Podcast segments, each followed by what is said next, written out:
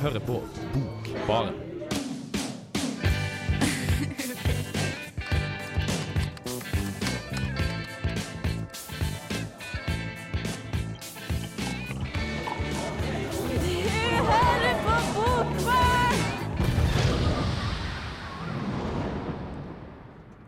Hallo og velkommen til Bokbarn.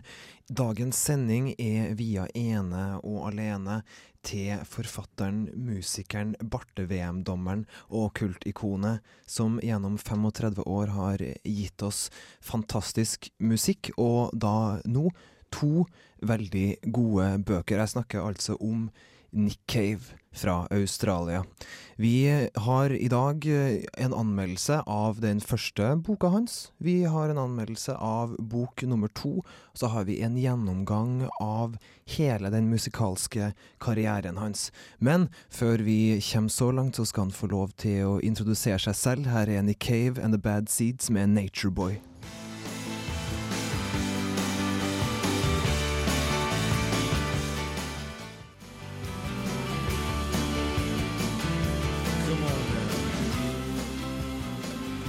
Hører på Radio Revolt, studentradioen i Trondheim. Hallo og velkommen tilbake. Der fikk du Nature Boy av Nick Cave and The Bad Seeds. Og det er rett og slett fordi at vi har Nick Cave-sending i dag. Og du spør kanskje hvorfor har vi det? Um, det er fordi at, uh, det er fordi at, uh, fordi at han har gitt ut sin første bok på 21 år rett og slett. Uh, og nå kommer Martin inn i studio litt uh, seinere, fordi at han er en tregost. Men jeg sitter her sammen med Idun. Jeg tror det er 20 år, forresten. 20 år, blir Ja. det så mye? For at det var ja, 89? 89? mm. eller 88? Ja, riktig. Sant det. En gang der. Nei, han uh, En gang på 80-tallet så låste han seg jo inn i en leilighet uh, I en leilighet i Berlin i tre år, eller noe sånt for øh, å skrive da førsteboka si. Uh, og den har jo du sett litt på, I- Idun. Vi skal gå litt mer inn på den et, et, etterpå, men sånn Nick Cave var jo ganske nytt for deg, var det ikke det? Jo, det var det. Uh, jeg visste faktisk ikke at den har skrevet bøk. da. Jeg har ett album av den. Mm. visste ikke at den var australsk engang, før jeg begynte å høre litt nøye etter. Ja, du har jo sånn tilknytning til Australia, så du har, du har vel Du blir litt varm inni deg når du uh, Ja, han hey. f- fikk et lite bonuspoeng før jeg begynte. eh. Da har vi fått inn Martin her også. Det har vi gjort. Hei, Martin. Hallo, Mathias. Hvorfor er du sein?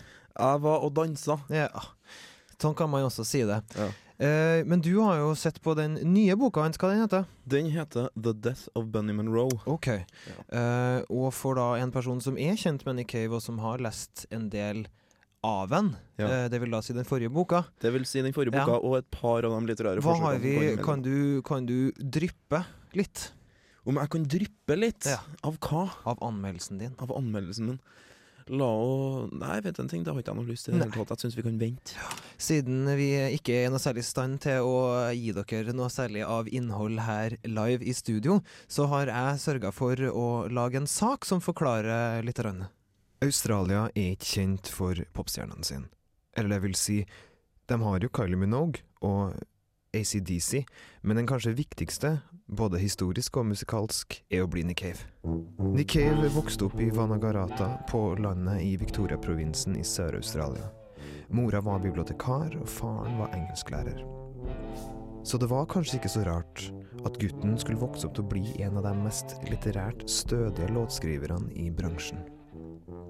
Nick Cave var ikke et enkelt barn, og da faren døde i en bilulykke, skapte her et vakuum i unge Caves liv som han måtte fylle med ord, ifølge han selv.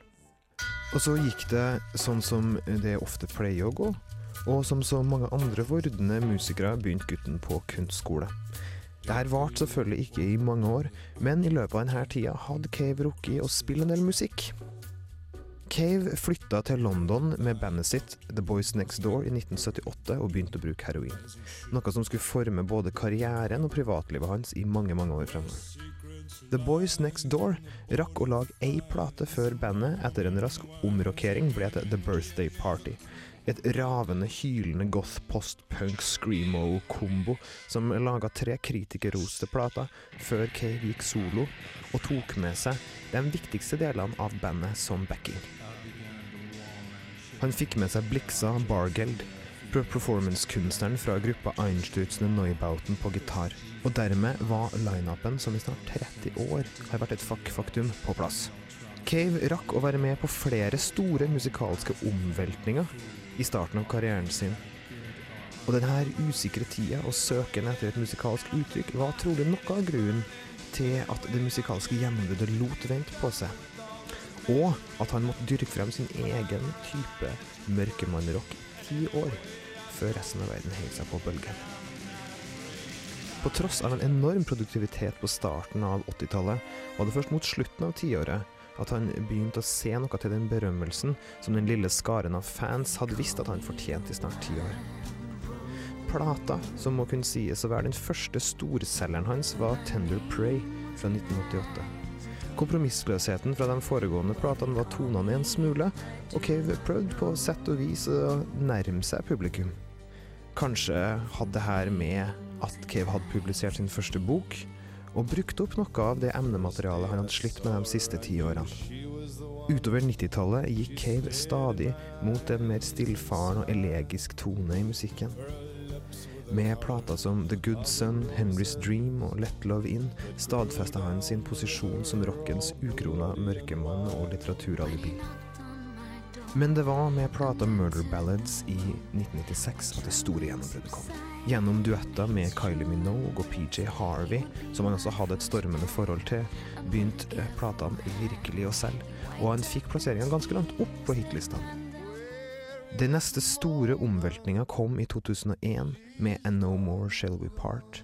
Hans første virkelige voksne plate, som varsla en ny Nick Cave som endelig hadde klart å kicke heroinvanen, og som i løpet av 90-tallet hadde rukket å bli far til fire gutter.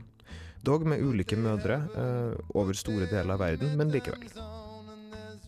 Han har bare fortsatt å fornye seg, og imponere med plater som Nocturama, og nå sist Digg Lazarus Digg.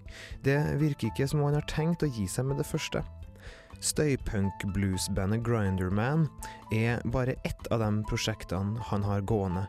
Og ikke minst, for oss her i Bokbaren, er jo kanskje det viktigste at han etter 20 år følger opp sin fantastiske debutroman med boka The Death of Bunny Monroe. Så vi ønsker Nick Cave alt godt videre i livet og håper at han fortsetter å produsere så lenge det er puste inn.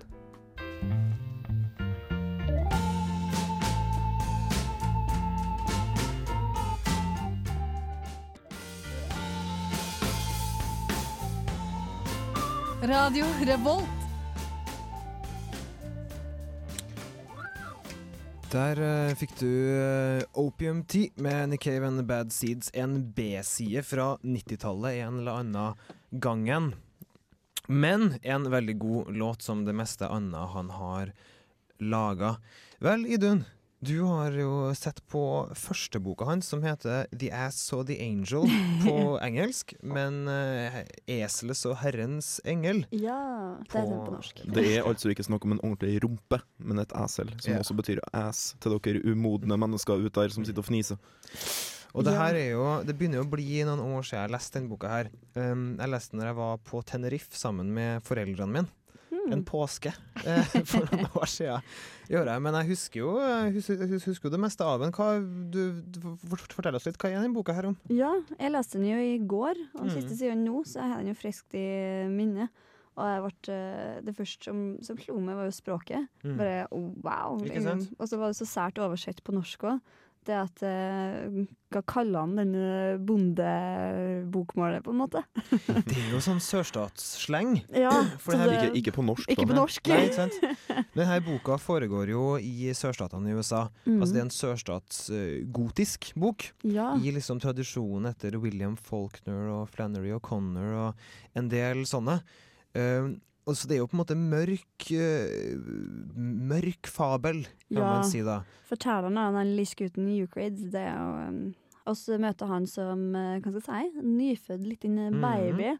Og bare de skildringene er- ganske oppsiktsvekkende, der det blir litt eh, Det blir underliggjort, på en måte, Mm. med tvillingbroren så, så død. Og vi ferdig, da, Eucrid, heltesten, eh, blir så stor at eh, han er i stand til å gjøre mye fæle ting.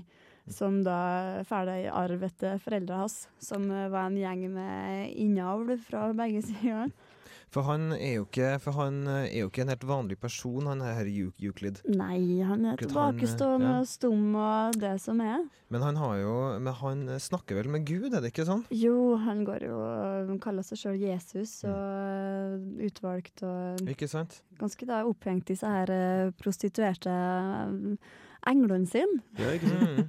Skal vi, men skal, skal, vi, skal vi ikke tegne et litt sånt kart over hvor han bor, og hva det her er egentlig For for jeg snakker om en dal, ikke sant? Ja.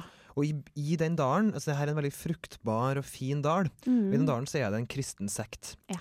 Eh, og de har, eh, og dem har, eh, og dem har da et, et, et barn, en sånn, et, et utvalgt barn, skal Ja, si. Beth. Beth, ja. Som, som, som de da omtrent tilber, da. Mm. Uh, uh, mens han her uh, Euclid. Euclid, han bor da ikke i dalen, men opp, oppi haugen, på en Ja. måte. På et, eh, på et eh, sånn metallskrot eh, sånn Søppelhaug. Søppelhaug, ja, som man har laga til slottet sitt, som man Mm. kaller for uh, hundehode. Ja.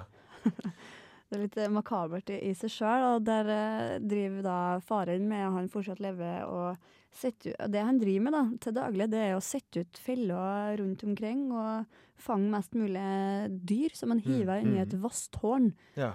Og det her tykker jo Euclid egentlig er ganske fælt, han er ikke glad i dyr.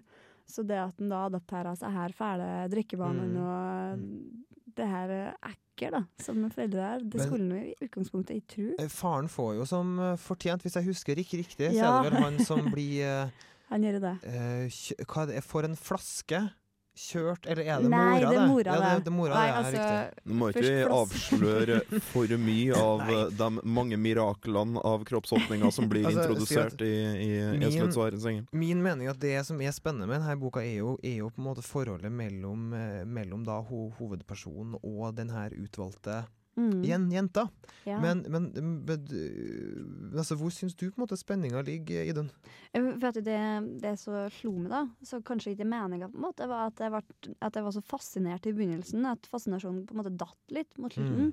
For jeg likte så godt da han var liten, og det kan hende bare fordi at eh, jeg jenta syntes han var sånn søt liten gutt. da, For jeg, jeg ble, det ble så makabert på slutten. At jeg ble litt sånn, og det tok aldri slutt.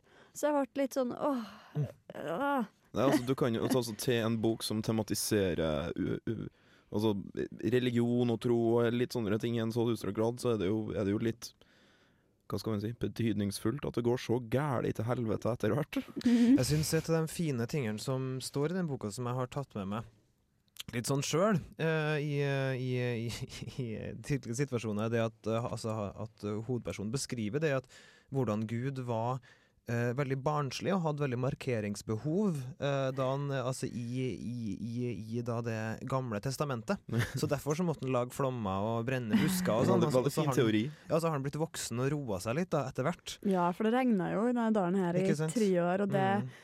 Mener jo han var hans skyld, da, på en måte, Ja. at han fikk stoppa regnet. og Er det en veldig tungt religiøs uh, bok, altså. Men. Ja. men spennende, liksom, og flott. Jeg tror vi skal komme litt tilbake til en uh, etterpå, men først så skal vi høre uh, tittelsporet fra den nyeste plata. Uh, Nei, jeg tror vi hører utdrag fra boka først. ja, da. det skal vi gjøre. OK, etterpå. men da er kjører vi på det. Tida er knapp. Ja, tida er knapp. Merkelig det, for det har den aldri vært før. Knapp. Ikke en eneste gang, det jeg kan huske. Ikke én gang i løpet av de 28 åra jeg har levd, har det noen gang hasta. Ikke som jeg husker. 28 år, det er grovt regna 10 000 omganger rundt halvskiva på ei klokke. Jøss. Tenke seg til at jeg har sittet på denne dumme ræva mi og lytta meg gjennom 18 millioner tikk og 18 millioner takk fra det idiottrynet, og aldri hatt noe jeg kan kalle mitt, annet enn et lass med tid, mer enn jeg kunne bruke opp. Men nå, når jeg ligger her og skal dø, og faktisk kunne trenge litt, hva hender da? Jo, nå er det se og få opp farten, din tosk. Nå er det la oss for faen se og få opp farten. Ikke så lett, dette her med å dø. Ikke lett i det hele tatt.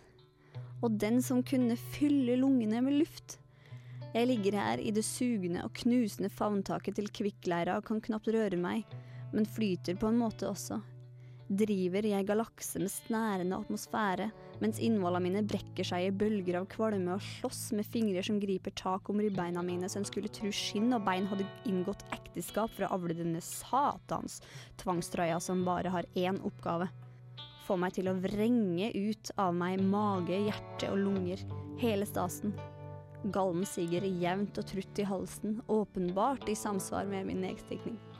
Åh, min nedstigning, min nedstigning. I livet som i døden, alltid på vei nedover. Knivblad av smerte fra øye til hjerne. Dunstene aleine er nok til å få meg til å spy. Giftige damper kveiler seg om meg som serpentinspøkelser. Men de skremmer ikke meg lenger. Ikke med mumlinga si. Ikke med kjærtegna. Jeg har overlevd hjemsøkelser fra mer utfrika udyr enn disse her. Til helvete med denne grønnskimrende fosforgassen, sier jeg. Bare la den komme veltende, inn i meg, gjennom meg. Hjernen min er en møkkete svamp gjennomdynka av giftdampene fra denne pissedammen. Men hva gjør det vel om minnene om dødleiet mitt tar litt farge av den svovelholdige miasmen fra dette hølet? Det er ikke mer enn jeg tåler. Jeg mener, jeg har jo aldri bedt om en lett utgang. Nei, faen heller. Hvem ønsker vel å vandre i søvne? Ikke jeg. Guds sønn. Gi meg en død jeg kan huske. Press. søren. Nei, la meg forsvinne med et brak, sier jeg. Ingen sump, ingen spøkelser, ingen dissørhansker, ingen faens ingen kan robbe meg for det. For jeg veit at det venter meg et bedre sted. Der nede. Å ja, der nede under kvikkleiras hud. En salighet Gud har beredt for sine barn. For pokker! Hjernen min er forurensa av sjukelig poesi, forgifta av kling-klang på rim.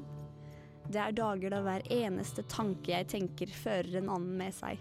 Hakk i hæl, rytmen, tonefallet, rimene. Hør bare på denne dialogen, hva? Det ser ut som om du synker, mann. Synker sakte under.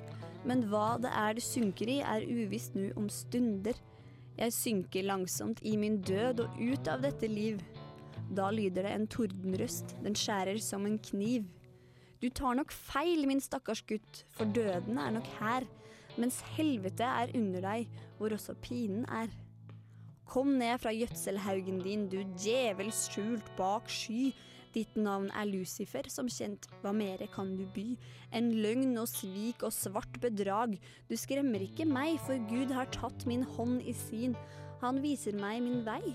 Den fører meg ned i myra her, min kropp er lagt i lenker. La Satan spille harpeleik, det lyder dog som renker. Et helvete, det har vi også, tro meg på mitt ord. I himmelen et skalkeskjul for helvete på jord. Som sagt, det er ikke så lett å dø, men jeg skal nok stå det over. Du tror jeg kommer med utflukter, du mener jeg ror, sludder, sier jeg. Tror du ikke jeg veit hva som rører seg oppi hodene deres?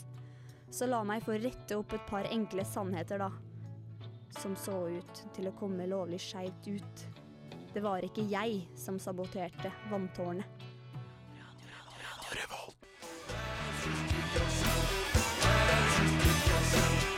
Der eh, fikk du altså tittelsporet fra den siste plata uh, til Cave and the Bad Seeds, som het Digg Lasarus Digg. Det er også litt eh, religiøse konnotasjoner, som det pleier å være. Men Idun, Mm. altså nå som du har lest denne boka, og det her er på en måte er Du er den som leste den sist, og det var første gang. Hva, hva syns du det er en god bok? Ja, det gjør jeg. Jeg ble uh, positivt uh, overraska, for eh, jeg visste jo ikke noen ting. Og mm, ja, som sagt, da jeg begynte å lese, jeg bare hva i verden er det her for noe? For eh, det var jo så bra. Mm. Det er Hvordan å si det så enkelt? Ja, nei, det. det, det, det er jo bra, det er lov til å si det. For det er jo veldig bra. Mm. Nei, men det her er altså Det er en oppvekstskildring, eh, og det er et drama. Det er en kjærlighetshistorie. Det, Mhm. er, det er beretninger om hvordan et samfunn faller sammen. Eh, på grunn av rett og slett altså innegroddhet og mangel på å kunne fornye seg.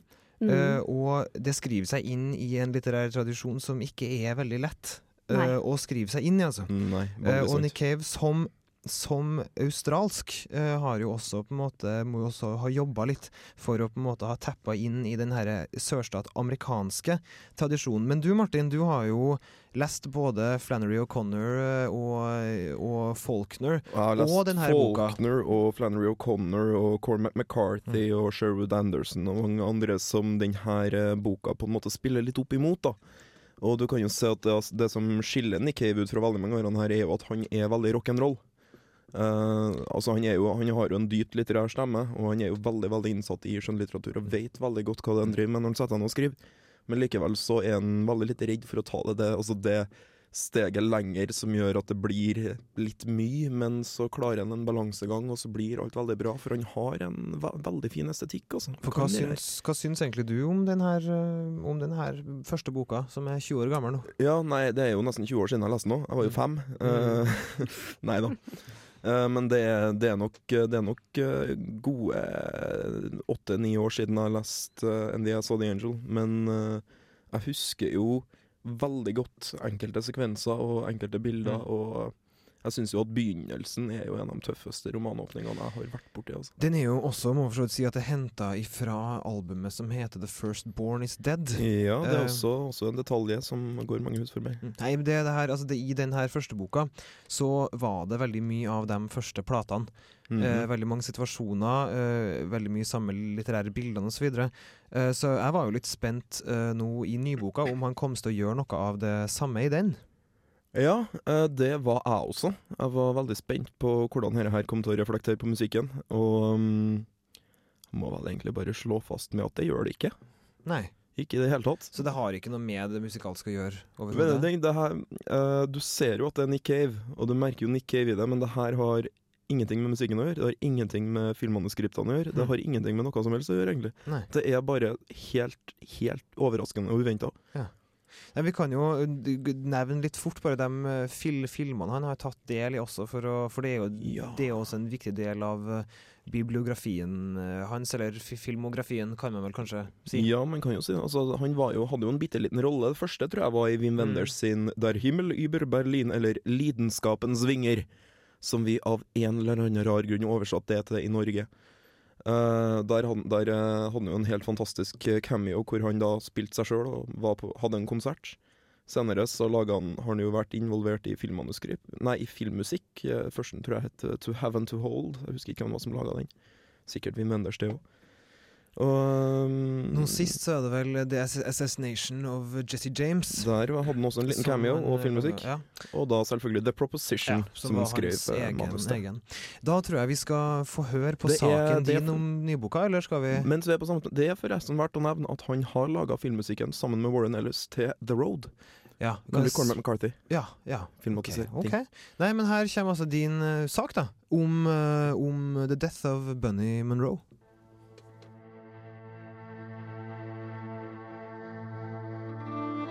Det er få kunstnere, uansett sjanger, som jeg kan si har hatt en større innvirkning på meg personlig og på mitt kunstsinn enn Nick Cave. Når jeg tenker tilbake, kan jeg ikke engang huske når jeg først ble klar over den. Jeg husker jeg kjøpte Murder Ballads da jeg var 13, men da eide jeg allerede Greatest Hits-plata, og når den dukka opp i platesamlinga, har jeg ikke den fjerneste anelse om. På samme måte husker jeg inngående diskusjoner om den første romanen, And the Ass Saw the Angel, da jeg gikk på videregående. Den hadde jeg da lest en god stund før. Jeg har stått med stjerner og sett den live, og har gått rundt og vært irritert i dagevis fordi jeg har gått glipp av andre muligheter til å se den live. Siden Nocturama har jeg anskaffa hver eneste nyutgivelse på samme dagen som de ble tilgjengelig i platebutikken. Jeg er med andre ord en fan. Og det som slår meg, er at i motsetning til andre musikere jeg ble forført av som guttunge, så er det kun Nick Cave som har holdt seg. Jeg går ikke lei. Jeg hører platene om igjen og om igjen, og har gjort det i snart tolv år. Det skyldes selvfølgelig den litterære kvaliteten så vel som musikken, og utviklinga hans som musiker og forfatter. Hele tida nye dybder og nye overraskelser. Det er derfor nyhetene om at han skulle komme med en ny roman, den første på 20 år, gjorde at jeg følte et aldri så lite stikk av spenning. Og nå er den kommet. The Death of Bunny Monroe, og jeg har lest den.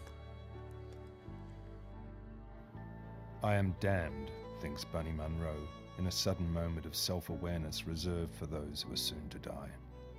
He feels that somewhere down the line he has made a grave mistake, but this realization passes in a dreadful heartbeat and is gone, leaving him in a room at the Grenville Hotel, in his underwear, with nothing but himself and his appetites. He closes his eyes and pictures a random vagina, then sits on the edge of the hotel bed and in slow motion leans back against the quilted headboard. He clamps the mobile phone under his chin and with his teeth breaks the seal on a miniature bottle of brandy. He empties the bottle down his throat, lobs it across the room, then shudders and gags and says into the phone, Don't worry, love. Everything's gonna be all right. På den andre sida av telefonlinja snakker kona hans Libby. Hun kommer like etter til å begå selvmord. Og det er startsignalet for historien om Bunny. Eller startsignalet for begynnelsen på slutten, om du vil. Bunny Monroe skal dø, det vet vi fra første stund. Resten av boka kan beskrives som en skildring av hvorfor det her egentlig er helt greit. Bunny Monroe er et rasshøl. Han livnærer seg av å selge skjønnhetsprodukter dør til dør. Han er ganske flink til det, men man mistenker at hans egentlige motiv for å holde nettopp denne jobben, er at det gir han tilgang til kvinnfolk. Og bønder liker kvinnfolk. Eller hater kvinnfolk. Alt ettersom hvordan du ser det. Han liker i hvert fall å ha sex med dem, og jage muligheter for fitte ved hver eneste anledning som byr seg. Og det her går selvfølgelig ut over flere enn han sjøl. Ofrene ligger strødd rundt den, som f.eks. kona, som henger seg i soverommet deres. Og som sagt er selvmordet hennes begynnelsen på slutten. Nå blir Bunny tvunget inn i en situasjon han ikke kommer seg ut av. Da kona dør, blir han nemlig nødt til å ta av seg deres ni år gamle sønn. Og siden Bunny i essens er ute av stand til å forandre seg sjøl og sin livsførsel, så fører det her til at sønnen, Bunny junior, blir pent nødt til å følge far sin rundt da han skal selge skjønnhetsartikler og pulkunder. Eller i hvert fall forsøke å pule. Og noen få dager etter at de to har begitt seg ut på eventyr, så dør Bunny Monroe. Men ikke før vi som lesere har fått dypere innsikt i karakteren, traumene hans, hvorfor han er som han er, og ikke kan være noe annet, og hvorfor denne innsikta fortsatt ikke endrer det faktumet at Bunny Monroe er et skikkelig rasshøl. Og det er nettopp derfor boka er interessant. Selv når man får investert empati i karakteren, er Bunny Monroe en kødd. Han er rett og slett så langt ut, og blir skildra så nådeløst og med så mye ærlighet at man blir tvunget til å ta stilling. Og det er selvfølgelig forfatterens prestasjon. Nick Cave har levert en roman som fungerer.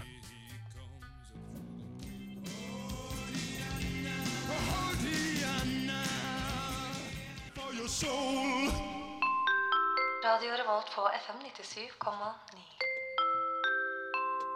Du hører på Bokbarn, og der fikk du Dena med Nick Cave and The Bad Seeds fra den før nevnte plata Tender Prey. Tender Prey. I'm not down here for your money, I'm down here for your soul. Martin. Oh, happy day. Du, ja. Eh, hva, ja, hva syns du om nyboka?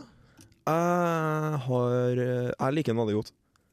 Eh, for som jeg sier innledningsvis i saken min, jeg er en fan av Nick Cave. Ja, ja. Men jeg, så, er, jeg, er, jeg er veldig veldig glad i alt Nick Cave gjør. Uh, og det er litt den vanskeligheten jeg får som anmelder. Og jeg vet ikke om jeg kan anbefale det til noen som ikke er like glad i Nick ja, Cave hvis, som meg. hvis du skulle ha prøvd å satt deg litt utafor deg sjøl, og Ja. gjort jobben din, Mm. uh, hva du eh, vil si da? Først, først og fremst vil jeg si at nå var du litt vel streng. jeg har da Nei, jeg vil si at dette her er en veldig bra, bra roman på veldig mange måter. Den er veldig fint skrevet. Den er Nick Cave er jo en forfatter med en veldig personlig stemme, uansett om han ikke har gått helt, på, helt ut på de eksperimentelle viddene som han Mm. gjorde i In the, in, the Saw the Angel. Så er det her en veldig godt skrevet roman. Og det er også en roman som er veldig, veldig interessant i forhold til debatter vi har her i Norge, som eh, maskulinitet og kjønnsroller og en del sånne ting. Ville man, hvis man var en litt konservativ eh, litteraturanmelder, si at uh, Nick Cave ikke eksperimenterer, eksperimenterer så mye, for han har nå funnet en klarere litterær stemme? Ja, det kan man vel kanskje si. Altså, i der, altså der eh, den forrige romanen bikker mot Faulkner, så bikker den her mot ja, Hva skal man si? Det, det, er mer, det er mer rett frem. Det er mer Mm. beint, det er mer Mm. plott. Det er, Ja. mm, det er mer dialog. Det er liksom Det er, det er, det er fint. Men eh, Men sånn som jeg skjønner, så har jo også skriveprosessen her vært en ganske annen. Altså, han har jo ikke vært låst inn uh, i en leilighet i Berlin i tre år. Den her er jo laga på mens han var på turné på kvelden etter konserter osv. Altså, han Ja, har sånn- i turnébussen liksom og ja, skrevet det, det, det. det, var, det var visst sånn over tre måneder eller noe sånt. Mm. Men uh, grunnen til at det gikk så fort, og at han fikk det her, var jo det at det var et filmmanuskript først. Ja vel. Så, og det er jo derfor kanskje romanen er såpass plottsterk, Mm. og den er jo skrevet ut med plott og dialog, Mm. før han da har satt seg ned og skrevet om den til en roman. Mm. Og det her gjør jo noe med, med, med boka, ikke sant? Den blir mer eh, den blir mer plottbasert, og den, blir med, og den får bedre dialog av det. Og så når han i tillegg klarer å reservere elementet med en god fortellerstemme, og tilfører sitt eget språk, og får det hele til å henge sammen, så blir det bra, altså. Altså Hvis dette her hadde vært en film, da, så høres det ut som en blanding av Wim Wenders og Tarantino, liksom. I en Mm. sånn uh, Altså, har den, Er det for langt, liksom, noen steder? Har den på en måte Blir, blir det sjølparodisk? Det her høres jo temmelig far out ut, liksom. Det er veldig far out. Det er veldig far out, og du kan egentlig ikke blande inn verken Quentin Tarantino eller Wim Wenders hvis det skulle ha vært noe. Eh, og så jeg vil jo si at den nærmeste, nærmeste litterære, litterære ekvivalenten til her, det er nesten faktisk uh, Bukowski. Fordi det her handler om eh, en mann som er intenst enkel, samtidig som han er veldig komplisert. Han er bare veldig, veldig fokusert på én ting. Altså Bunny Monroe er en mann som går rundt og ikke er i stand til å se kvinner som noe annet enn eh, seksuelle objekter. Og når han har identifisert dem som seksuelle objekter, så klarer han ikke engang å se dem som det. Han gjør dem om til en eller annen kjendis. Og det her blir jo også litt morsomt, da. Altså, når Bunny Monroe kjører rundt i bilen sin og skal selge ting. Så det her er samtidig som Kylie Minogue har sin kjempehit 'Spinning Around'. Mm. Mm. Og det her ender jo da opp med at selvfølgelig dobbeltheten Nick Cave, Kylie Minogue, ha-ha, veldig morsom. Ja, Men også det at eh, alle han ser, blir til Kylie Minogue. er Og så eh, switcher han litt sånn inni der, og, blir, og så blir alle kvinnfolk til Avril Lavigne i stedet, og til Kate Moss og sånn. Og så han er helt fokusert på sex, altså. Det er ingenting ingenting si, annet. Skal si her for den som hører på, at, eh, at Nick Cave og Kylie Minogue er jo venner. Ja. eh, som alle, alle, eh, alle, alle australske popstjerner er. Eh, de har jo, de har jo syklubb eh, osv. Nei, men Jeg jeg vil eh, gjerne lese litt fra acknowledgements bakerst i boka. Det avsluttes som et lite avsnitt. I would also like to thank Kylie Minogue and Avril Lavigne, det er den australske aksenten min, with love, respect and apologies. Ja, Jeg synes det var veldig fint. Jeg tror vi skal ta en låt som lever opp eh, til anmeldelsen din. Her får du det andre bandet hans, Grinderman, sin No Pussy Blues.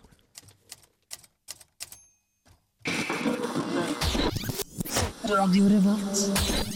Hallo og velkommen tilbake til Bokbarn. Nå begynner vi å nærme oss slutten på dette programmet, rett og slett. Vi har hatt eh, sending i hele kveld eh, om Nick Cave, forfatteren eh, og musikeren. For han har etter 20 år kommet med ei ny bok. Den heter 'Death of Bunny Monroe', eh, og den har Martin eh, sett litt på og var fornøyd med den. Ja. Ikke sant? Og Idun har jo sett på den forrige boka Ja, Esle og Herrens engel. og var fornøyd med den. Ja. Så da har vi oppsummert Nick Cave sin litterære karriere, da, på sett og vis. Ja, det, nei, vi, altså, vi mangler King Ink Ja, og øh, litt av de sånn detaljene som har kommet ut i mellomtida. Vi skal vel ikke, vi skal vel ikke ødelegge noe renommé? eh, Nei, vi trenger sånn, strengt talt ikke å nevne King. Ink. uh, i det hele tatt. Hvis noen ville finne The Death of Bunny Monroe eh, i bokhandelen, Martin, får dem en på norsk, og hvordan ser eventuelt eh, omslaget ut? Vet du en ting? Det er et nydelig og vakkert eh, omslag. Når jeg satt ut her i sted, så fikk jeg var det ei jente som gikk forbi og sa ah, 'Nå trodde jeg du satt og leste Donnie Darko'. Mm. Eh, det er jo fordi da dem som jo er velversert i popkultur, vet at Donnie Darko har en sånn cover med en sånn kanin utapå. Det har da altså den nyeste romanen til Ja. Nick Cave. Eh, Donnie Darko er da en film, og ikke gitt ut i romanform. Men det, er en fin liten kanin med røde øyne. Da Eh, vet dere det. ja. Vi må bare si sånn eh, før vi gir oss her, at vi, eh, vi, vi skal jo reklamere litt for, for antikvariatet som ligger, som, ligger, som ligger nedi veien her. Ja, det må vi Det skal vi gjøre. Så gå dit og kjøp bøker, og så skal vi få laga en skikkelig sånn En skikkelig sånn Skikkelig sånn, eh, sånn eh, Hva det heter uh, det, vi, vi, kan, vi kan slå det opp etter sending. Ja, en skikkelig sånn liten sånn musikkting som reklamerer godt for dem og sånn. OK, der har vært Nick Cave-sendinga Altså, vi må selvfølgelig takke Martin Larsen, som har vært tekniker. Martin Ingebrigtsen har prata. Idun Mm. Fivelstad har prata. Og jeg, Mathias Samuelsen, har også prata. Vi ser dere neste tirsdag. Her får du West Country Girl med Nick Cave and The Bad Seeds. Bokbarn. Bokbarn. Bokbarn. Bokbarn. Bokbarn.